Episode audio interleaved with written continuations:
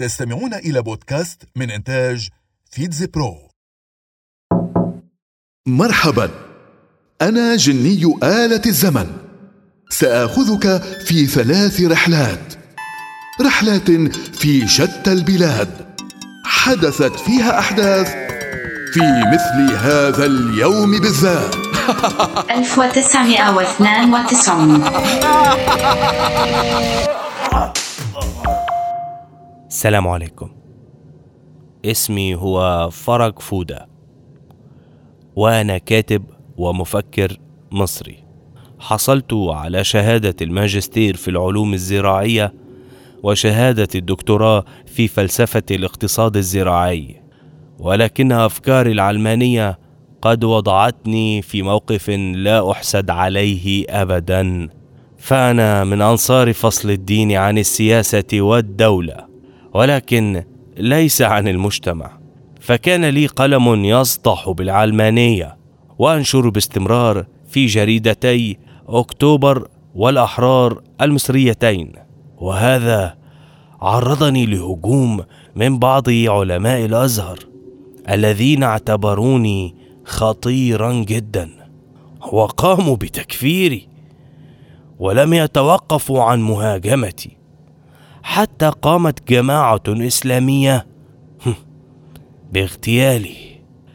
وأنا برفقة ابني وصديقي. في مثل هذا اليوم. 1919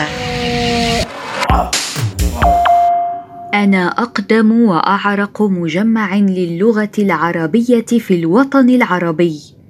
واللغة العربية الفصيحة بالنسبة لي هي كل حياتي تم تأسيسي في عهد حكومة الملك فيصل عام 1919 ميلادي للنهوض باللغة العربية. أنا بالطبع مجمع اللغة العربية في دمشق، وأنا صرح أكاديمي يتألف من عشرين عضوا من علماء اللغة العربية في سوريا. كنت أعرف سابقا بالشعبة الأولى للترجمة والتأليف، ولأنني أهيم في غرام اللغة العربية سعيت دائما للحفاظ عليها.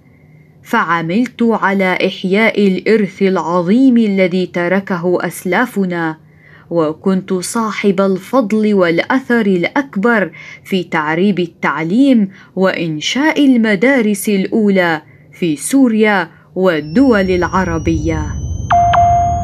الزمن مجهول. مرحبا. أنا الجزء الأكبر والأعظم من الغلاف المائي في كوكب الأرض ومياهي يا أصدقاء تنتج خمسين بالمئة من الأكسجين الذي تستنشقه الكائنات الحية على اليابسة. وأنا أؤثر أيضا في مناخ الأرض وطقسه إلى حد كبير. أنا أنا الساكن الهائج. أنا المحيط. ربما لكبر حجمي وضخامتي لا يخطر في بال أحدكم أن هنالك شيء سيؤثر بي. ولهذا ينسى الكثير منكم مدى أهمية حمايتي والاهتمام بي. فمياهي تحتوي على مئات الآلاف من الكائنات البحرية الحية التي تعيش في جوفي ويموت المئات منها يوميا بفعل تلوثي. لذلك قررت الجمعية العامة اعتبار يوم الثامن من يونيو من كل عام يوما عالميا للاحتفال بي. ليتذكر الجميع أهميتي ودوري الكبير بالنسبة للأرض. العودة إلى الواقع.